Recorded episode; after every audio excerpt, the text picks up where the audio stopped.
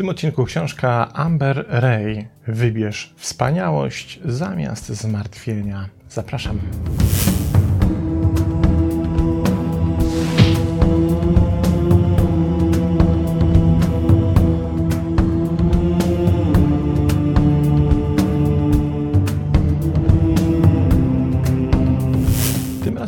Powinniśmy zacząć od zastanowienia się nad tytułem, a dokładniej mówiąc nad tym, czy aby na pewno dobrze go przetłumaczyłem. Dlatego, że autorka książki, pani Amber Ray, używa dwóch słów w tytule, które są później kluczowe na kartach całej właściwie książki, a mianowicie słowa wonder i słowa worry. Problem jednak w tym, że używa tych terminów i pojęć spersonifikowanych, czyli bardziej jako imion własnych, więc tak na dobrą sprawę powinniśmy mówić Pan wspaniałość i Pan zmartwienie. I przy tym po prostu zostańmy, bo to chyba najbliższe intencji autorki. A kim jest sama autorka? Amber Ray to pisarka, artystka i, jak mówi o sobie, globalny głos na rzecz emocjonalnego dobrego samopoczucia i osobistego rozwoju.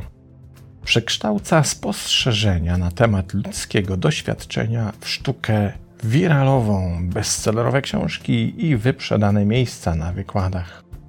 Gościła na łamach The New York Times, Today.com, Self, Fortune czy Forbes. Z dziesięcioletnim doświadczeniem, które rozpakowuje ludzkie emocje, podróżuje w kierunku samopoznania, tworzy z zamiarem uwolnienia ludzkiego potencjału, a swoimi słowami i sztuką dociera do ponad dwóch milionów ludzi tygodniowo w internecie. Jak mówi o sobie, mieszka na Brooklynie i na całym świecie ze swoim mężem Farheidem. I w zasadzie moglibyśmy przejść do treści książki. Wybierz Pana wspaniałość ponad Pana zmartwienie. Gdyby nie to, że w opisie tej książki na Amazonie króluje recenzja Deepaka Chopry. Książka Amber Ray została wydana w 2018 roku. Z tego co się zorientowałem, jeszcze nie ukazała się i jak na razie nic nie wskazuje, by ukazała się na rynku polskim, a szkoda, bo to światowy bestseller. I do tego jeszcze polecany właśnie przez Deepaka Choprę. Więc na początku przeczytajmy, co kolega Deepak Chopra ma do powiedzenia. Mówi on tak. Bardzo osobista podróż Amber Ray, polegająca na przejściu od skonstruowanej tożsamości samoograniczających przekonań do prawdziwego ja. W domenie kreatywności, cudowności, radości i wyższej świadomości oferuje inspirujące wglądy i lekcje dla każdego, kto chce odkryć swój nieskończony potencjał. Napisał o książce, którą dzisiaj omawiamy, Deepak Chopra, ale tuż obok jego recenzji jest druga, tym razem pana Seta Godina, którego pewnie znacie. To słynny autor nie mniej słynnego bestselleru Tribes. Nie będziemy omawiać książki Tribes w niewidzialnych książkach, ponieważ z tego co wiem, ma swoje wydanie w języku polskim i chyba to się nazywa, tytuł brzmi chyba Plemiona, ale nie jestem do końca pewien. W każdym bądź razie, świetna książka, polecam. W każdym bądź razie Seth Godin pisze o książce Amber Ray następująco. Ta książka to dar. Jeśli masz szczęście, by pojawiła się na Twojej drodze i przeczytasz ją raz, prawdopodobnie przeczytasz ją 10 razy, a potem kupisz kolejne jej egzemplarze dla wszystkich ludzi, na których Ci zależy. Piękne słowa, prawda? Mam nadzieję, że obudziły Waszą ciekawość na tyle, byśmy wreszcie mogli zajrzeć do środka książki, a książka rzeczywiście jest niezwykła. Czytamy. Proszę, nie umierajcie, mając w środku tak wiele wartości, darów i piękna. Proszę, nie bądźcie jak większość, która żałuje tego, co mogli zrobić i zabiera swoje marzenia do grobu. Todd Henry w jednej ze swoich książek mówił, że najcenniejszą ziemią na świecie nie jest Manhattan, pola naftowe Bliskiego Wschodu czy kopalnie złota w Afryce Południowej. Najcenniejszą ziemią na świecie jest cmentarz. Na cmentarzu są pochowane wszystkie nienapisane powieści. Nigdy nie uruchomione firmy, nierozwiązane relacje i wszystkie inne rzeczy, o których ludzie myśleli, zajmę się tym jutro. Jednak pewnego dnia ich jutro się skończyło. Amber Ray napisała książkę niezwykłą w tym sensie, że próbuje odblokować nasz ukryty potencjał, który schował się za jednym z dużych demonów, takim inercyjnym lękiem, który mówi: Nie mogę się zmienić, bo coś tam, nie dam rady się zmienić, bo coś tam, nie mogę w pełni skorzystać z życia, bo coś tam. Oczywiście znamy tego typu koncepcje z wielu, wielu, wielu innych książek. Takich książek na świecie powstało naprawdę bardzo wiele, od mistyki wschodu po mistykę zachodu, filozofię, czy też współczesne dzieła współczesnych myślicieli. I wydawałoby się, że to nic odkrywczego, nic nowego. Jednak odkrywcze i nowe jest to, w jaki sposób Amber Ray o tych sprawach pisze, jakie to jest bliskie, osobiste, przekonujące i jak wielu z nas może w tym znaleźć siebie bez potrzeby cytatów wielkich mistyków, wielkich świętych, wielkich filozofów. Po prostu po ludzku siebie. Posłuchajmy czegoś, co można by nazwać wprowadzeniem do tej historii i idei. Każde dziecko przychodzi na ten świat z nieskończoną ciekawością i zachwytem nad otaczającym je światem. Powoli jednak ta cudowność, którą ze sobą wniosło, jest uspołeczniana i zastępowana zmartwieniem. Wtedy w naszych umysłach pojawia się wstrętny głosik, sabotażysta, cenzor i wieczny krytyk, który tworzy ciągły strumień zjedliwych uwag, które zwykle są przebrane za prawdę. Nazywam ten głos zmartwieniem. W końcu jednak przestałam traktować zmartwienie tak cholernie poważnie, kiedy nauczyłam się widzieć, że jest przede wszystkim urządzeniem blokującym, mechanizmem w naszych mózgach, który ma na celu powstrzymanie nas od zrobienia czegoś zbyt ryzykownego lub zbyt niewygodnego, czyli rzeczy, które są chwalebne, znaczące, wartościowe i zmieniające życie. Pod moimi długimi i żmudnymi opowieściami o niegodności, niewystarczalności, perfekcjonizmie, wstydzie i tym, kim, jak sądziłam, powinnam być, odkryłam jednak inny głos. O wiele bardziej życzliwy, współczujący i ciekawy. Taki, który chce, abyśmy dobrze sobie radzili, byli widziani i dążyli do tego, czego najbardziej pragniemy. Taki, który posługuje się całą swoją znajomością naszej najprawdziwszej prawdy. Ten głos to wspaniałość. Kiedy zmartwienie mówi, kim do diabła jesteś, żeby to zrobić, Wspaniałość wtrąca się, by odpowiedzieć: Jeśli nie ty, to kto? I ten dualizm nie jest nowy. Rej nazywa to dwoma głosami w naszej głowie. Z jednej strony mamy Pana zmartwienie, czyli głos reprezentujący zmartwienie, a z drugiej strony mamy Pana cudowność, głos reprezentujący radość, wspaniałość, coś, co jest w totalnej opozycji do zmartwienia. Ten system wcale nie jest nowy i ten system jest znany od wielu, wielu setek lat, a być może nawet tysięcy, tak przynajmniej twierdzą Chińczycy, ponieważ jest to system zgodny z tym, co obowiązuje w pewnym chińskim kosmologicznym modelu, zwanym modelem czy też systemem pięciu przemian. Oprócz tego, że mamy kuchnię pięciu przemian i składniki pięciu przemian i żywioły pięciu przemian, mamy jeszcze emocje pięciu przemian, o czym mało kto wie, bo ta wiedza nie jest do końca powszechna, ale w tym tradycyjnym chińskim, starożytnym systemie kosmologicznym wymienia się pięć emocji. Teraz uwaga, z tych pięciu emocji, które według Chińczyków zarządzają wszystkimi innymi emocjami, które są fundamentem wszystkich emocji, wszystkie pozostałe pochodzą z tych pięciu, a zatem wśród tych pięciu emocji znajduje się zmartwienie i znajduje się radość.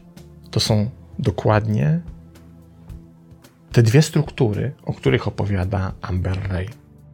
Tyle, że w chińskim systemie ani zmartwienie, ani radość nie są emocjami, którym przypisuje się jakiś znak dodatni lub ujemny, pozytywny lub negatywny. Chińczycy wymyślili, że zarówno zmartwienie, jak i radość mają rodzaj zerowego potencjału.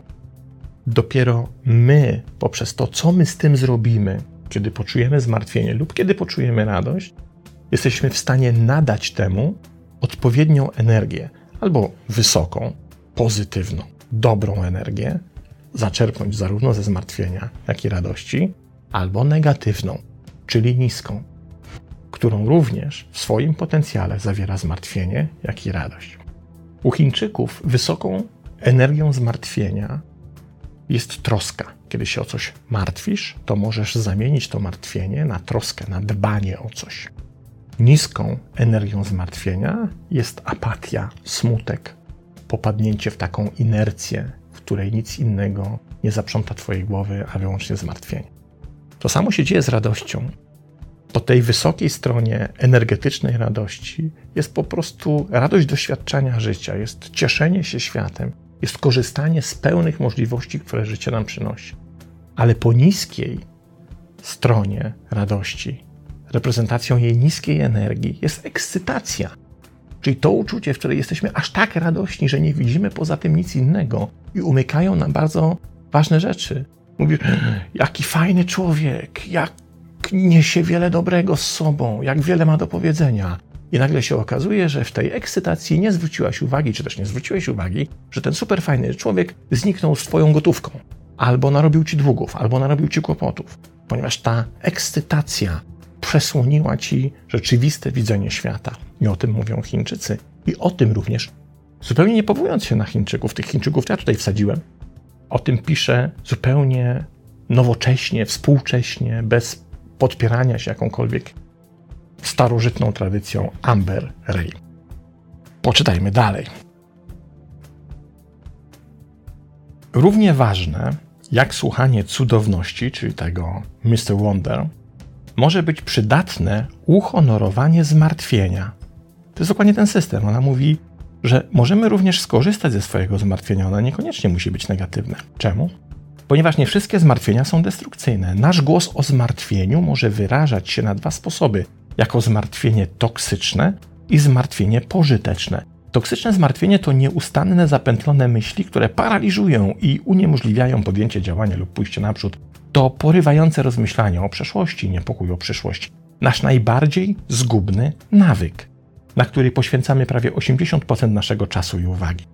Pożytecznym zmartwieniem jest przewidywanie, to co Chińczycy nazywali troską aby wyobrazić sobie niepowodzenia i wyzwania, opracować plan i podjąć działania.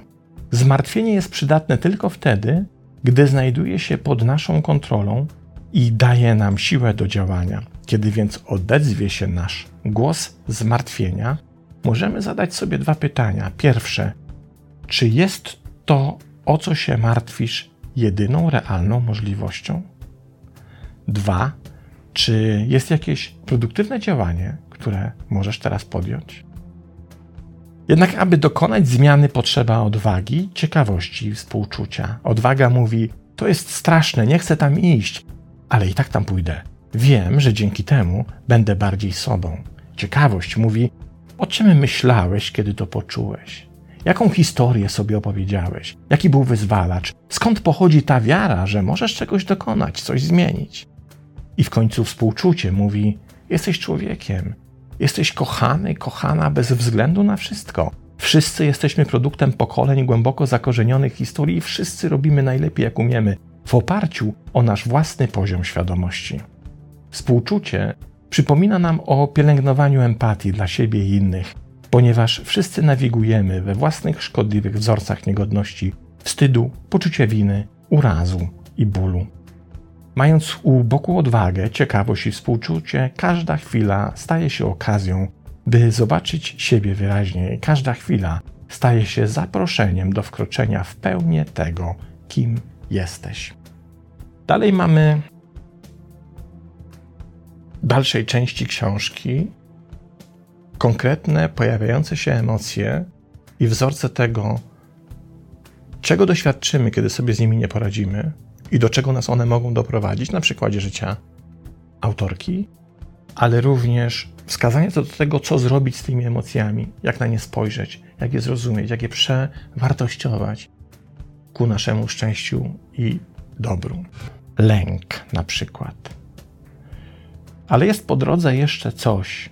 To rodzaj zatrzymania, zastygnięcie w lęku, moment zawahania, którym Twój lęk zdaje się zarządzać. Ale wiedz, że kiedy jesteś zamrożony ze strachu, to oznacza, że Ci zależy, że znajdujesz się w tym momencie dokładnie na skraju Twojego wzrostu. Bo sam moment, w którym myślimy, że nie jesteśmy gotowi, jest właśnie chwilą, w której jesteśmy. Kolejna rzecz, jak pięknie autorka potrafi pisać o cierpieniu. Boimy się stracić cierpienie, ponieważ boimy się stracić wymówki. Łatwiej jest trzymać się bólu jako powodu, dla którego ukrywamy nasz potencjał i nie idziemy za życiem, jakim chcemy żyć. Ale zaufaj mi, jesteś o wiele większy, o wiele większa niż Twoje cierpienie i ból. Bez względu na to, co wydarzyło się wczoraj lub co może się stać jutro, masz teraz pełną szansę, by się z tego wyzwolić. W tym momencie wszystko zależy od Ciebie i wszystko może być w porządku. Oddychasz, Twoja przyszłość czeka na Ciebie. Zmierz się z tą chwilą, z siłą, walcz z wymówkami, z odwagą. Bądź miły, bądź miła, zaufaj radości, miłość ponad ból. Zawsze wiem, jestem przerażony, ale tam pójdę. Wybaczenie.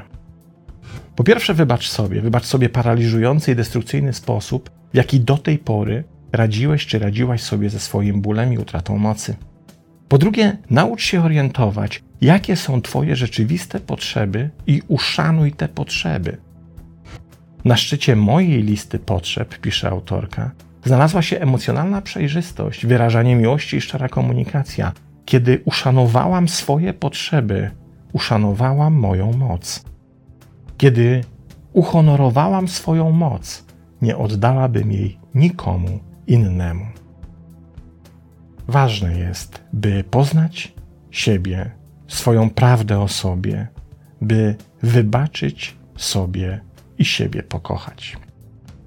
Piękna, cudowna książka, która pokazuje, że Pan zmartwienie i Pan wspaniałość tak naprawdę w naszym życiu powinni koegzystować z sobą w idealnej równowadze. Możemy czerpać z ich obu. Możemy czerpać ze zmartwienia, o ile przejmujemy nad nim kontrolę, i możemy czerpać z cudowności. Ale to my musimy być rodzajem moderatora, arbitra, który decyduje, co w którym momencie przynosi ci największą korzyść i co powoduje, że Twoje życie staje się pełniejsze. Na koniec ostatni cytat. Kiedy nauczymy się zwracać ku naszym emocjom, być dla siebie miłymi i żyć życiem, które jest silniej prowadzone przez wspaniałość niż zmartwienie, wtedy dopiero poznajemy inny głos. Trzeci aktor wkracza teraz na scenę. To mądrość. Mądrość to ta część nas, która widzi wartość zarówno we wspaniałych i chwalebnych planach wspaniałości, Pana wspaniałości oraz w czujnym i uważnym oku Pana zmartwienia. Mądrość jest biegła w słuchaniu tego, co zmartwienie ma do powiedzenia, ale bez paniki, jednocześnie dostrajając się do tego, gdzie czy też do czego prowadzi nas Pan cudowność. Wtedy życie staje się zbalansowane, zharmonizowane i wtedy możemy skorzystać z niego całej pełni. 2018 rok. Amber Ray. Wybierz cudowność, wspaniałość, a nie tylko samo zmartwienie. A właściwie moglibyśmy powiedzieć Naucz się czerpać z ich obu, a wtedy obudzisz swoją życiową mądrość. Przepiękna, przecudowna książka. Bardzo, bardzo, bardzo Wam ją polecam, podpisując się pod tym zarówno, co powiedział Deepak Chopra, jak i Seth Godin. Tyle. Pozdrawiam i do następnego razu.